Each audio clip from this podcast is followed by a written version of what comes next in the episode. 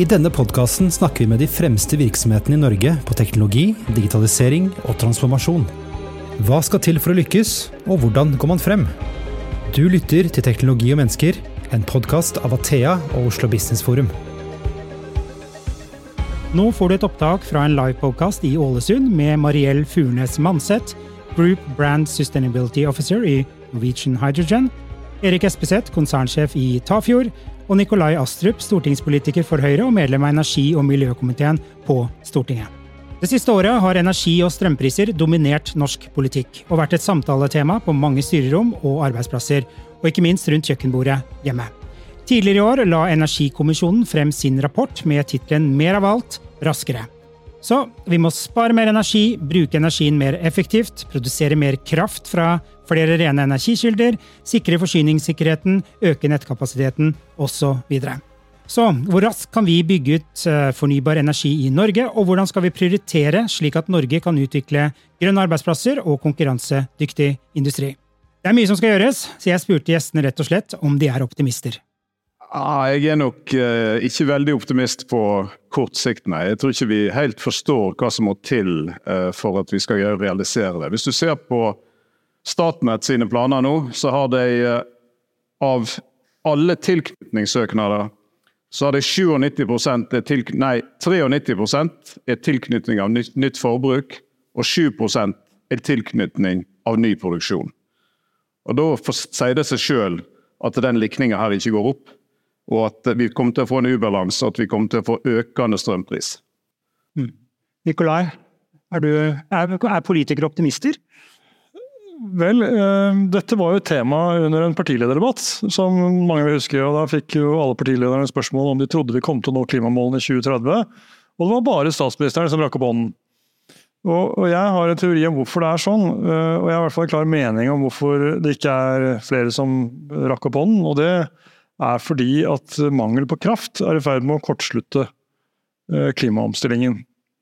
Uten eh, økt kraftproduksjon og mer nett, så kommer vi ikke til å klare å eh, innfri de behovene som både tradisjonell industri har, behovene for vanlig næringsliv, men også for de nye arbeidsplassene vi skal skape. Så Energikommisjonen har vel anslått at vi trenger 34 TWh innen 2030 bare for å innfri klimamålene. Og så kommer da eventuell ny industri på toppen av det.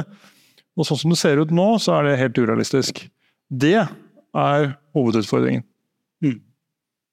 Jeg har veldig lyst til å være optimist, eh, også, også realist. Eh, men jeg, i og med at jeg jobber med å finne løsninger, så må jeg være optimist. Eh, fordi eh, uten litt optimisme så får ikke man til noe, iallfall. Og det skjer såpass mye bra rundt omkring. Eh, med både i USA og i EU eh, på eh, fornybarsatsinga, så jeg, jeg, har lyst til å si ja, jeg er optimist. Mm. Så da er det to mot én, eller? Nikolai, det er en annen ting du kan svare på. Eh, I dag så la jo regjeringen fram en økt satsing, det var ordene deres, da. 15 milliarder, grønt industriløft. Jeg vet ikke om du har rukket å, hoppe ned i det forslaget, men hva, hva tenker du om det? Er det nok? Altså Er det nok? Er det 15 milliarder i det hele tatt? Det er jo et annet spørsmål. Altså Det er jo gamle penger i en ny innpakning eller en resirkulering av tidligere løfter. Eh, de sa jo at de skulle ha 60 milliarder til grønt industriløft, og de 15 som de lanserte i dag er en del av de 60. Så det er i og for seg ikke noe nytt i det. Og Så legger de til to nye industrier som skal uh, ta del i de 60. Uh, eh, og uh, mesteparten er garantier. Er 10 milliarder er garantier, og noe er lån, og noe er økt egenkapital til til Siva og Nysnø. Eh, og, Litt av utfordringen med regjeringens industri- og næringspolitikk om dagen, syns jeg, da, nå er jo ikke regjeringen her for å forsvare seg, så jeg får være litt balansert. Vi ser på LinkedIn. Jeg skal prøve å være balansert. Men det er jo at de tar mer med den ene hånden enn det de gir med den andre. Og jeg tror, Hvis du snakker med mange som driver næringsvirksomhet f.eks. i dette fylket, så vil de heller ønske seg gode, stabile eh, rammevilkår enn eh, nye ordninger de kan søke, søke på hvor de må ansette folk for å fylle ut skjemaer. Eh, fordi det er, det er, et problem at du har økt, doblet eierbeskatningen eh, på veldig kort tid. Du har innført denne ekstraordinære arbeidsgiveravgiften på kompetansearbeidsplasser. Eh, og generelt sett svekket rammevilkårene, og da hele denne sagaen med grunnrenteskatt osv. Så, så og da stekker jo det selvfølgelig bedriftenes evne til å investere i omstilling eh, og ta de store løftene. Eh, og mange av de store løftene de er jo investeringer som skal stå seg i et 20-30-40 års perspektiv. Og Da er forutsigbarhet, forutsigbarhet, forutsigbarhet noe av det aller, aller viktigste. Dessverre så ser vi nå at politisk risiko er plutselig er et tema i Norge. Utenlandske investorer sier at f.eks. For innen fornybar energi sier at de heller vil investere i Sverige eller Finland fordi rammevilkårene er mer stabile der. Det var én aktør som sa han heller ville investere i Den dominikanske republikk enn i Norge. Det er jo litt urovekkende.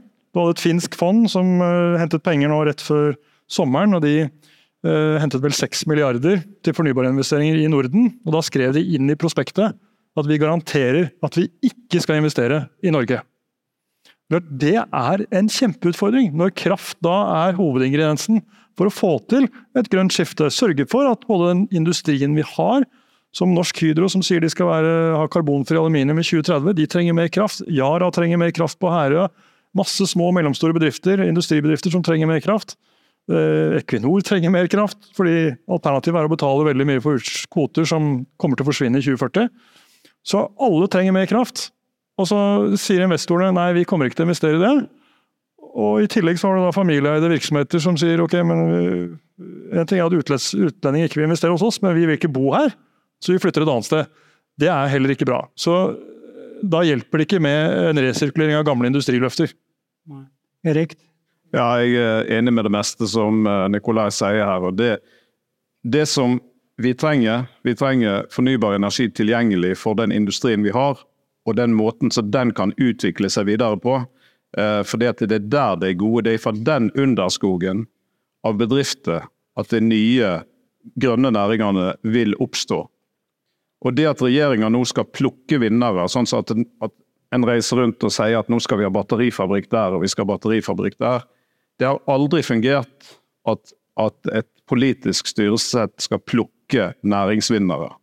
Og det er, tror jeg vi er på alvorlig feil kurs med å det som nå blir gjort. Mm. I det forslaget, så Nå skal vi snakke mer om hydrogen etterpå, for det har jeg forska på. Det er jo masse forskjellige farger på denne hydrogenen, har jeg lært. da. Eh, men eh, du har jo nevnt hydrogen også i de 15 milliardene. Er du eh, optimist på det? Nei. Nei. Akkurat når det gjelder bevilgninger, så er jeg lite optimist. Fordi f.eks. i fjor så ble det gitt 3 eh, milliard cirka, til eh, hydrogenprosjekt. Eh, Bevilga og gitt støtte til, til, det. Men ingen av disse prosjektene har nå tatt investeringsbeslutning. Så disse pengene da står jo der enda. De er jo ikke blitt delt ut enda. Så, så da spørs det hvor mye som faktisk, faktisk kommer frem. Og når det er snakk om Norge versus de andre landene, så har vi mye dårligere støtteordninger her. Og mye mindre forutsigbare. og Skattene til eierne våre jo også, påvirker jo også den kapitaltilgangen som vi har igjen. Men dette er jo en av grunnene til at vi satser ikke bare i Norge, men vi satser i hele Norden og også utover det. For vi ser at rammebetingelsene andre plasser er rett og slett mye bedre. For det er gode intensjoner, tror jeg, eh, men eh, så skjer det ingenting fordi det er for lite, det er for dårlig og det er for, eh, for uforutsigbart, rett og slett. Mm. Eh, Erik, i min research her, for jeg, nå kan jeg en del om energi, jeg kunne ingenting før denne podkasten, det er et spennende område. Eh, er det energikrise, eller er det ikke det? Jeg er forvirra. Nei, det er ikke energikrise, og det kommer det heller aldri til å bli. Det kommer alltid til å være lys i, uh, i pæra. Uh, spørsmålet er hva, det lyset vil koste. Og, uh, så Markedet klarerer på et, på et prisnivå, og det vil det gjøre i uh, overskuelig framtid også. Men det som, når det lyset koster for mye, så kommer ikke hydrogenproduksjon, det kommer ikke ammoniakkproduksjon, det kommer ikke disse nye grønne næringene som vi ønsker oss. Og antageligvis så kommer det til å bli problematisk også for, for denne her uh, tungindustrien som vi har i Norge, som skal utvikle seg og skal bli grønn, sånn som Hydro som var nevnt. De vil, hvis det blir for dyrt, komme til å slutte å investere. Og vi kommer til å få en gradvis nedbygging av også den industrien. Dessverre. Jeg tror vi kommer til å være veldig glad for at vi har disse utskjelte mellomlandsforbindelsene, altså kabler. Eh, fordi vi går mot en mer anstrengt kraftsituasjon. Og akkurat nå, så er det jo, eller det siste halvannet året, så har det vært veldig upopulært med kraftutveksling. Det tror jeg kommer til å gradvis bli veldig mye mer populært etter hvert som det strammer seg til. Eh, så det er ikke så dumt at vi har dem likevel. Eh, og det, det skal vi ta med oss. Så, så, er jeg enig i det at eh, fordi vi mangler kraft, så er det en av de nye mulighetene som ikke kommer til å materialisere seg i Norge. Litt av utfordringen, og grunnen til at det likevel blir stramt, det er jo at en del av den industrien vi har, hvis den skal fortsette å være her, så må den omstille seg. Og Det er fordi vi er en del av en større klimapolitikk hvor det koster penger å forurense. Og er, Vi er jo med på det europeiske kvotemarkedet fordi det er den mest kostnadseffektive måten å kutte utslipp på. Og at vi gjør det sammen med andre istedenfor å gjøre det alene. Så Det, det er klokt. Men eh, så tenker kanskje noen når de sitter hjemme i sofaen sin at eh, ja, vi er så lite land, vi slipper ikke ut så mye, skal vi virkelig være med på dette klimastrevet? Er det ikke mye bedre å bare la noen andre holde på, de som slipper ut mer? Kina og USA. Den luksusen har jo ikke bedriftene. De har jo regneark. De vet hva de må betale, og de vet at det blir færre kvoter hvert år, og at prisen på å slippe ut kommer til å øke. Og på et eller annet tidspunkt så kommer du dit hvor det er helt klart det er lønnsomt å kutte utslippene, fremfor å fortsette å betale for å slippe ut. Og mot 2040 så skal du altså ned mot null for de som er omfattet. Det er industri, transport, altså industri og luftfart og, og, og petroleumsnæringen som er en del av dette. Så, og hvordan er det de skal kutte utslipp? Jo, det er stort sett ved hjelp av strøm. Fornybar energi. Det er grunnen til at det kommer til å bli stramt, og at hvis ikke vi får opp produksjonen kraftig uh, av ny fornybar energi og investerer i nett, får bort flaskehalser, uh, så kommer strømmen til å koste mer. Og jeg mener jo at uh, rimelig strøm skal være en konkurransefordel for norsk industri, for norsk næringsliv, og det skal være gode for norske husholdninger. Men det er bare én måte å få til det på. Det er å produsere mer, investere mer i nett og bruke den energien vi har, mer effektivt. Det var ikke én, det var tre. Men da husker dere det. Tre måter å gjøre det på. ja. Erik? Ja, og Vi må huske på det at uh, i Norge så har vi alltid hatt kraftoverskudd i et normalår. Og Hvis vi nå går inn i en situasjon der vi får kraftunderskudd i normalår, og dette vedvarer, så kommer det til å endre over tid helt fullstendig industristrukturen som vi har i dette landet. Eh, så det tenker jeg er viktig at vi tar, tar inn over oss. Så vil kanskje noen se men er det så farlig, da? Vi vil, ha, vi vil jo ha ny, bedre industri. Kanskje vi kan, kanskje vi kan ha noe som er mindre kraftintensivt. Og så det andre jeg vil si, i det som eh, du sa Nikolai, rundt eh, det her med hvorfor må vi gjøre så mye? Vi er jo så grønne fra før. Nei, vi er ikke det. Vi har skrevet under en, eh, en Paris-protokoll der vi har forplikta oss til å kutte utslippene fra ca.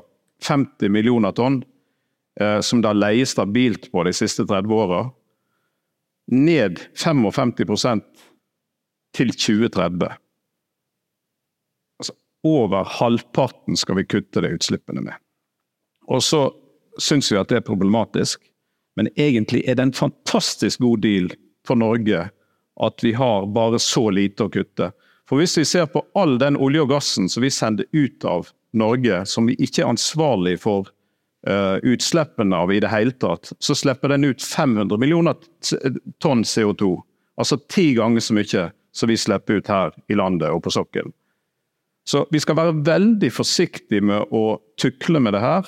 Tukle med at vi har gått inngått internasjonale forpliktelser. De er ikke perfekte, for all del. Men vi får vel ingen perfekte avtale. Vi må bare forholde oss til vi, den måten som verdenssamfunnet har valgt, og Europa har valgt, å eh, løse det problemet på. Og så, så, bare så vi er klar over det, så kan dere merke dere eh, Gordon Brown var ute i, uh, for noen dager siden og, og, sa at Norge burde hoste opp 50 milliarder, for vi har tjent så grovt på, på, på, på å selge olje og gass og slippe ut. Ja, den type reaksjoner vil vi komme til å få flere av ute av i Europa hvis ikke vi holder vår del av dealen. Og så har vi kutta under 5 hittil av disse 55% siden 1990. Ja, det vil si alt er kuttet under forrige regjering, da. ja. Bare nevne det. Det gikk jo opp til 2015, og så har det falt siden det. Så vi har jo klart å snu skuta, men vi må gjøre mye, lite. mer fremover. Det er veldig, veldig lite. Ja, det er 5 vi har en jobb å gjøre. Mm, 5 ja, Nå er det ikke de her, men uh, uh, jeg lærte et uttrykk her, 'not in my backyard'. Eh, du sa Nikolai, at eh, skal vi få en grønn industri, så må vi sette strøm på de. Og jeg vet ikke hvor mange saker det har vært i media om vindmøller, om det er til land eller til havs, eller hvor det er hen. Utbygging av ny vannkraft, f.eks. Det er jo ingen som vil ha noen ting. Og jeg så at også et nyhetsinnslag Industriområdet Grenland nå er det en politisk styring der eh, hvor det ikke skal være eh, vind, vindkraft. Men i alle dager, intensjonene er gode, men vi, eh, det, dette kommer jo ikke til å gå. Nei, spør du meg? Jeg spør deg! Det, det, høres jo veldig håpløst ut. Det er jo ingen som vil hjelpe til med noe. Nei, og dette er, dette er en kjempeutfordring. Jeg satt jo, jeg sitter nå i energi- og miljøkomiteen, og det gjorde jeg også fra 2009 til 2015. Og da hadde vi en helt annen type debatt. Da eh, var jo Alle var jo for vindkraft. Altså, eh, dette berømte vindkraftverket på Fosen, det var, ville jo ikke Statkraft bygge. Men Stortinget var jo så ivrige, så de måtte bygge det likevel. Eh, så det var, og det var Blant de partiene som nå er mest skeptiske til Fosen, de var jo blant de største pådriverne for at det skulle bygges. Så det sier noe om stemningen den gangen. Det skulle bygges, åkke sånn, og det ble til og med gitt subsidier gjennom det felles svensk-norske sertifikatmarkedet for å gjøre det lønnsomt å bygge ut vindkraft. Det skal vi være glad for akkurat nå, fordi det er 15 TWh som kommer fra vindkraft i dag i Norge. Og uten de 15 så hadde vi hatt en helt annen kraftsituasjon i Norge, og helt andre strømpriser i Norge. Men den gangen var jo strømmen veldig billig, eh, og vi skal ikke tilbake lenger enn til 2020, før snittprisen gjennom hele kalenderåret var 10 øre per kilowattime. Gjennom hele kalenderåret. Januar, februar, mars til desember. Så, men vi får ikke noe, nå så, så, ble jo det som er litt av problemet, så ble noen av de vindkraftverkene Det tok jo lang tid da, fra, fra de sendte inn søknad til de ble bygget. og Så skjedde det mye på teknologisiden, og så ble turbinene litt større, og så ble møllene litt høyere, og så ble vingespennet litt bredere. Og så ble støyen litt høyere. Og så ble motstanden enorm. Mm. Uh, og så fikk vi en backlash så, lang, så, så stor backlash at uh, olje- og energiminister Tina Bru fikk drapstrusler. Så jeg, eh, det skjedde noe med stemningen, kan du si. Det gikk fra å være veldig god stemning til å bli veldig dårlig stemning. Og den, eh, Det sliter de med, og derfor tror jeg det var klokt, det som i og for seg et stort politisk flertall har støttet, at det er kommunene nå som må eh, ha siste ord med i laget. Hvis kommunene sier nei, så blir det ikke noe. Utfordringen er jo da at selv i kommuner som Grenland, og selv i et parti som Høyre lokalt i Grenland, så er man da skeptisk til vindmøller, selv om man ser koblingen mellom arbeidsplassene som vi som bor i Grenland går til hver eneste dag, og kraften, den kraften som vindmøllene kunne ha gitt oss. Eh, så dette er en kjempeutfordring, men det må gjøres klokt. Vi må ha gode prosesser. og Det er steder i landet hvor det ligger til rette for dette uten at det er noe verdifull natur som går til spille, uten at det er på bekostning av eh, beiterettigheter og andre ting. Så det er mulig å få det til, eh, men eh, det krever at alle innser at vi er i en situasjon hvor vi trenger kraft, og uten kraft så må vi belage oss på å betale helt andre strømpriser, og se at arbeidsplasser som vi ellers gjerne ville hatt, ikke blir noe av. Ja, jeg vil bare følge opp og si det. Vi observerer jo det samme i uh, fylket sør for oss, Høyanger, de har et aluminiumsverk. De trenger kraft. Hydro ønsker å bygge kraft på fjellet rett bak Høyanger. Det er enormt stor motstand også der, i et samfunn som er helt avhengig av eh, den ensidige industribedriften som heter Hydro Aluminium. Så når ikke til og med der at en forstår den, den harde sammenhengen som det faktisk er, så er det vanskelig at resten av befolkningen skal skjønne det. Og jeg mener jo at det var en feilvurdering som var gjort den gangen, når man bestemte seg for at, at i prinsippet har man nå gitt kommunene vetorett. Det som skjer nå, det er jo at du har fullstendig asymmetri i beslutninger. Det er nasjonen Norge som har ansvaret for å oppfylle klimaforpliktelsene, og igjen bedriftene, gjennom bedriftene. Men det er kommunene som sitter med nøkkelen til om det skal skje eller ikke. Det var som Jeg snakket med Espen Barth Eide om dette her for ikke så lenge siden. og så, ja, Han så det, at det her er problematisk. Det blir jo som at vi har én bil der det bare er gass, og så har vi en annen bil der det bare bremser. Det her går faktisk ikke i hop. Med mindre du da stimulerer kommunene som skal være vertskap for vindkraft såpass hardt med økonomiske virkemidler at de bare ikke har råd til å si nei. Det kan hende at det er det som må til. Men så har vi også en naturkrise midt oppi dette, som kompliserer bildet litt mer.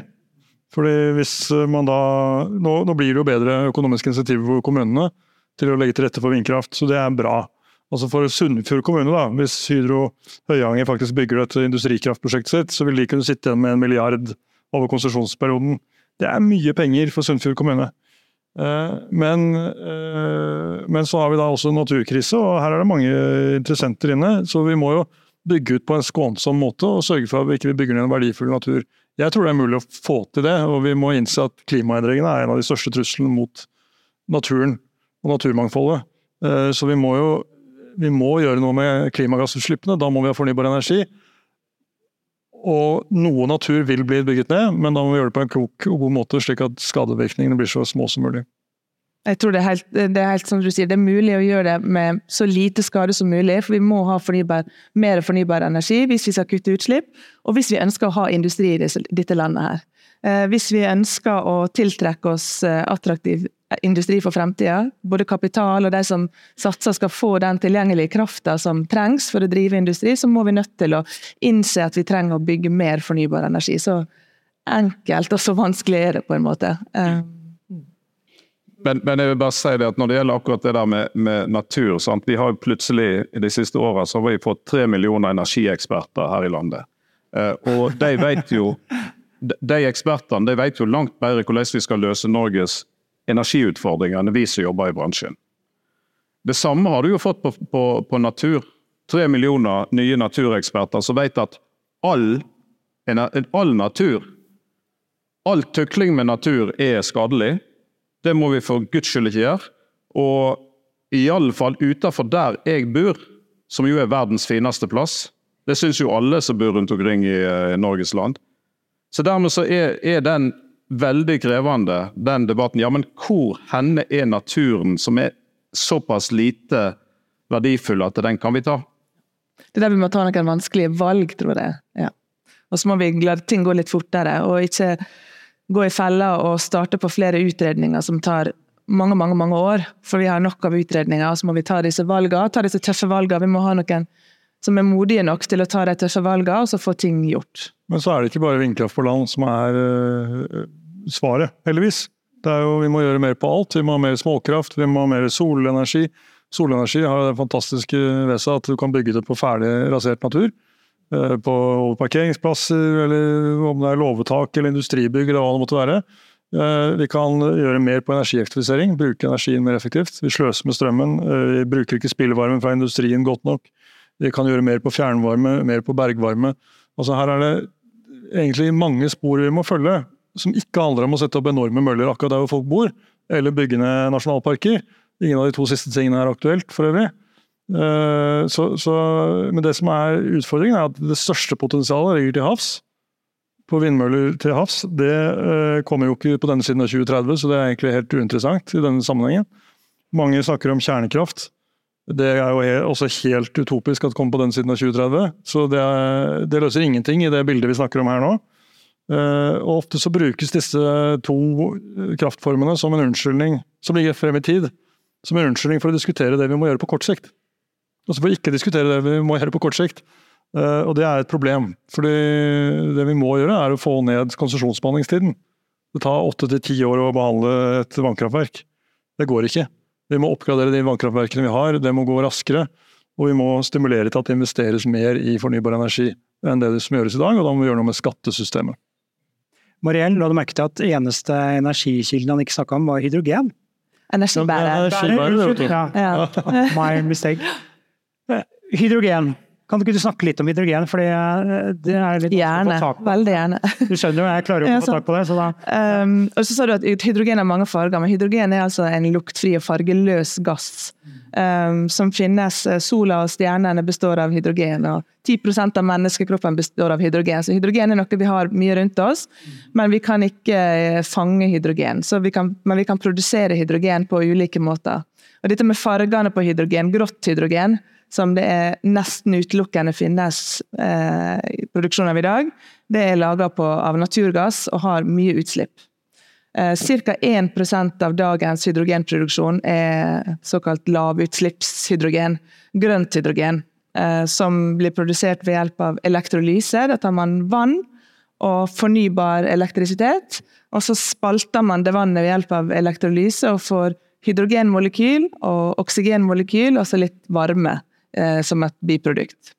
Og da får man eh, hydrogen, gass, som man kan komprimere eller gjøre flytende, eller bruke som innsatsfaktor i andre grønne drivstoff. For det er også eh, ammoniakk, og du har eh, komprimert og flytende hydrogen, og du har e-metanol, og du kan tilsette det i eh, biogass. Du kan bruke hydrogen som en energibærer. Og det som er litt ekstra kult, det er at når det blåser mye, eller vi har mye sol, eller veldig mye vann i uh, vannmagasinene våre, så kan vi lage hydrogen av den krafta, og så kan vi lagre det som et batteri. Så det er altså en energibærer sånn sett, som kan lagre energi, lagre fornybar energi, og da snakker jeg om grønt hydrogen. Så kan jeg snakke i det uendelige, men ja, det eh, hva vil du vite? Jeg ble så fascinert. Men hva er problemet med hydrogen, da? Fordi eh, det er jo ikke så mye av det. Vi driver jo, det er jo Går sakte der òg? Ja, det går eh, Det blir brukt som sagt masse hydrogen i industrien i dag, men den er grå og har masse utslipp. Og så For å få det over på grønt og utslippsfritt, så kreves det mye elektrisitet. Masse kraft for å gjøre, gjennomføre denne elektrolysen.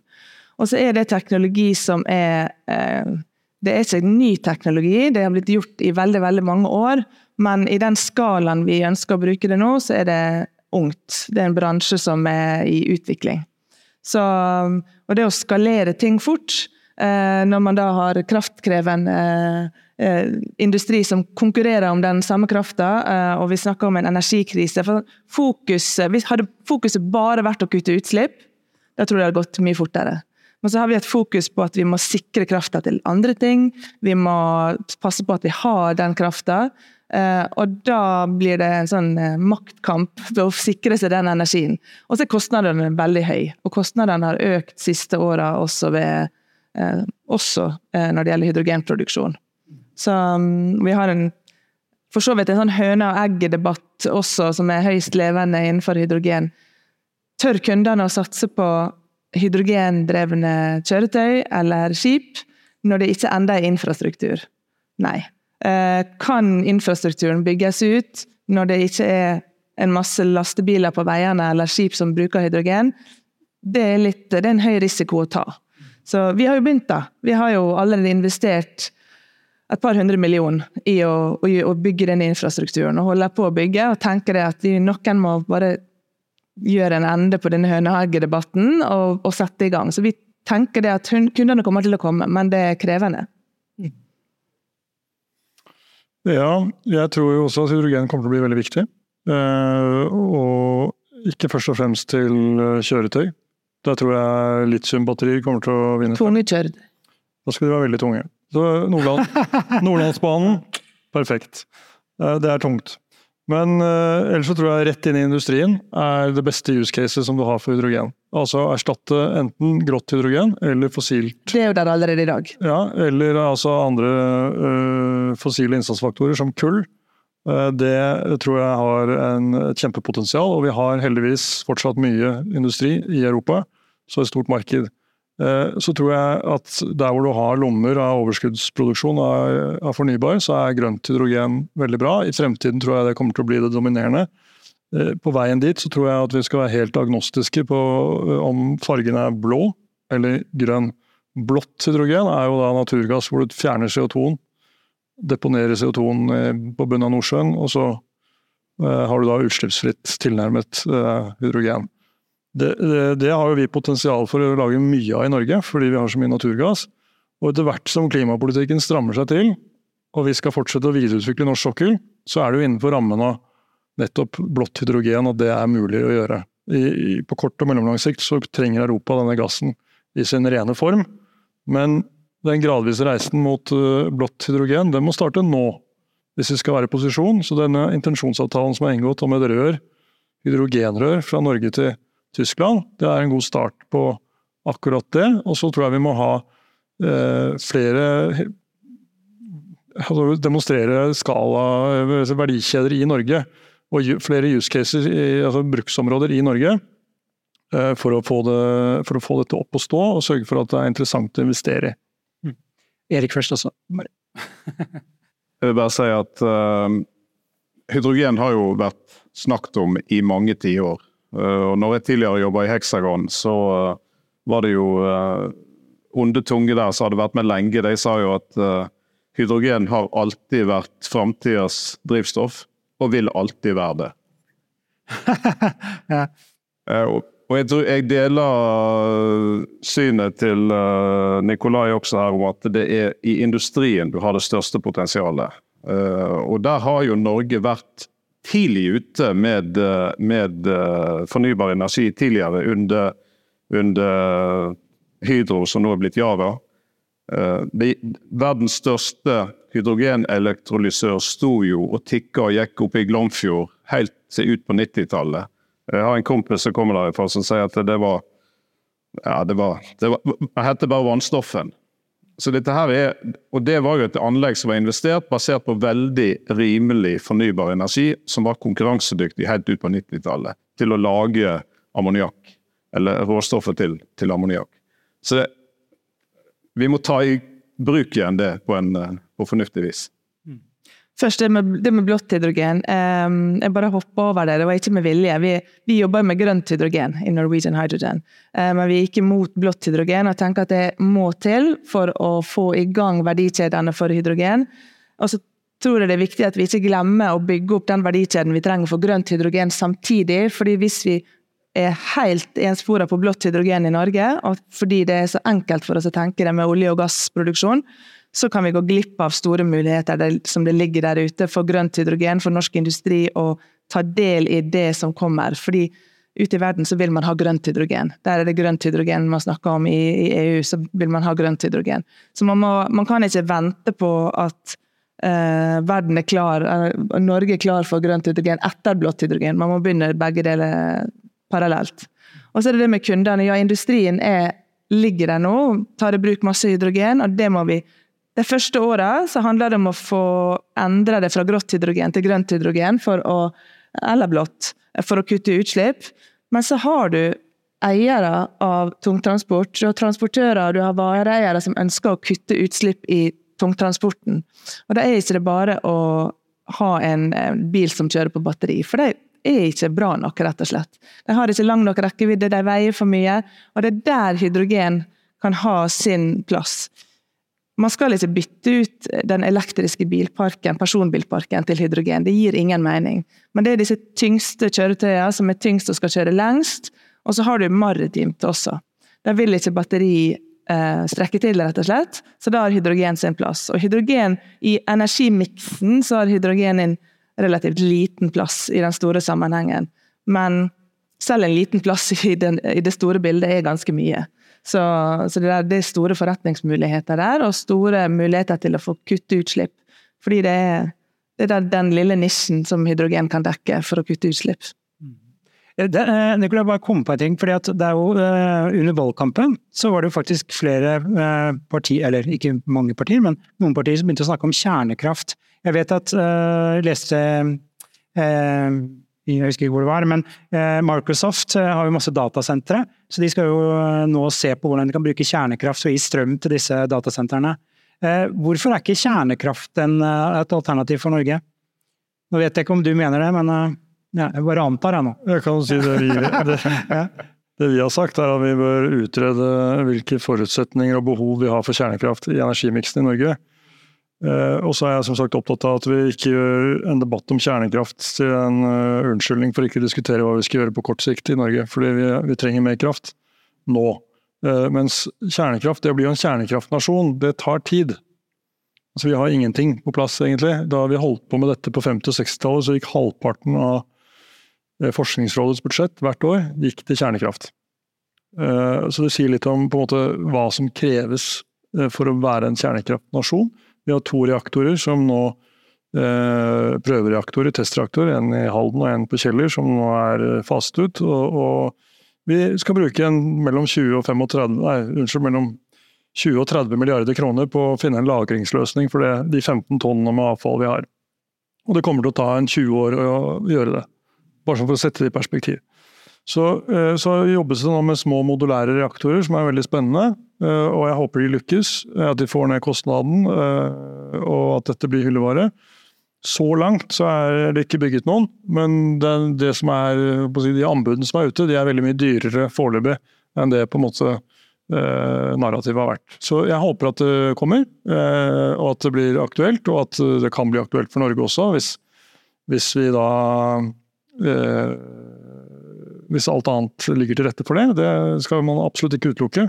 Men la oss starte med å utrede det, og så isteden bruke kreftene våre nå på Eh, hva vi skal gjøre frem til 2030, som er liksom det, det, kritiske bildet. Etter 2030 er jeg ikke så altså Da kommer det til å skje så mye i landene rundt oss også, at vi er i en litt annen situasjon. Storbritannia har jo utgangspunktet ambisjonen om å være nettoeksportør av elektrisitet i 2030. Eh, og Det tror jeg ikke de klarer, men hvis de sikter på 2030, så klarer de kanskje 2035. Eh, vi vet at svenskene skal bygge ut massivt med vindkraft og annen kraftproduksjon. Danskene jobber med energiøyene sine. Alt dette er jo vi koblet til. Så det vil ha stor betydning også for oss, og ikke minst vil det ha betydning for lønnsomheten uh, i kjernekraft. Altså I perioder så vil jo da strømprisen være null. Vi må forberede oss på mye større fluktuasjoner enn det vi har vært vant til. Der kan hydrogen spille en viktig rolle. Vi må antagelig betale for effekt i Europa. Altså Når solen ikke skinner og vinden ikke blåser, så må vi ha gasskraftverk kanskje, eller hydrogenkraftverk etter hvert som da kan produsere strøm når alt annet uh, mangler. Uh, det kan være batteripakker noen steder for å avlaste nett og, og, sånne ting. Men spørsmålet er er det da lønnsomt. Hva er da lønnsomt? Vi vet jo f.eks. ikke om vi har kjempepotensial for havvind også. Vil, hvor lønnsomt vil det være i 2040-2050? Det er jo det nå altså alle disse konsortiene driver og regner på. for å vurdere om de skal by for å bygge ut. Vi vet jo ikke. Det er litt av problemet. Først en fun fact. Hydrogen eh, laga med kjernekraft er rosa hydrogen. Så en, en, en, farge, en farge til. Fargerikt fellesskap. Men her, det, men her, er det, masse muligheter, fordi hydrogen kan jo da brukes for å stabilisere den strømproduksjonen. Sant? For du snakker om når det, når det, er lite kraft av og til, og det er mye kraft av og til. og For å stabilisere det, så kan man lagre hydrogen som et batteri, som man kan ta ut kraft fra seg. Og det er masse muligheter i havvind, det er masse muligheter i kjernekraft. I lang, både kort og lang sikt så er det masse ulike muligheter. Og Det vi må gjøre, det er jo bare å komme i gang. Og så må vi bygge ut det og utforske de mulighetene og gjøre ting, istedenfor å bare snakke om at vi skal bevilge eller vi skal utrede, eller at vi skal finne den perfekte løsninga før vi begynner å gjøre noe, eller at vi skal bygge ut så mye fornybar kraft i Norge at vi da kan starte med hydrogenproduksjon f.eks., eller at vi da kan begynne med energikrevende, mer energikrevende industri. Vi må, altså Ingenting er gjort på den måten. Vi må bare komme i gang, så må vi teste og så må vi lære underveis. og Da får vi fart på det. Mm. Eh, klokka er jo blodrød, den Oi. blinker her, så jeg tror vi er ferdig. Eh, men eh, helt avslutningsvis, eh, vil vi klare den energiomstillingen som vi har snakket om? Veldig kort. Altså. Ja, det, det, vil vi gjøre, men jeg er redd for at det kommer til å medføre nedleggelse av en del industri som vi har i dag. Fordi at de ikke er i stand til å betale for den prisen som eh, krafta kommer til å koste de nærmeste ti årene. Dessverre. Men, det vil vi, men omstillinga vil vi klare, fordi at vi vil få, de vil forsvinne. Nikolai, kort? Ja, det er mulig å få til. Politikk er en fornybar ressurs. Det er snart valg. Ja, jeg tror det, men jeg er redd for at den ledertrøya som Norge har satt sitt mål å ta, den eh, har forsvunnet. Og at eh, det er andre som, som tar over. Men jeg, ja, jeg må være optimist. Veldig bra. Erik, Nikolai og Mariell, tusen takk for at dere kunne komme, og tusen takk til dere som har hørt på. Du har nå lyttet til Teknologi og mennesker, laget av Athea og Oslo Business Forum. Liker du podkasten, setter vi stor pris på om du gir oss noen stjerner og tips gjerne en venn om podkasten.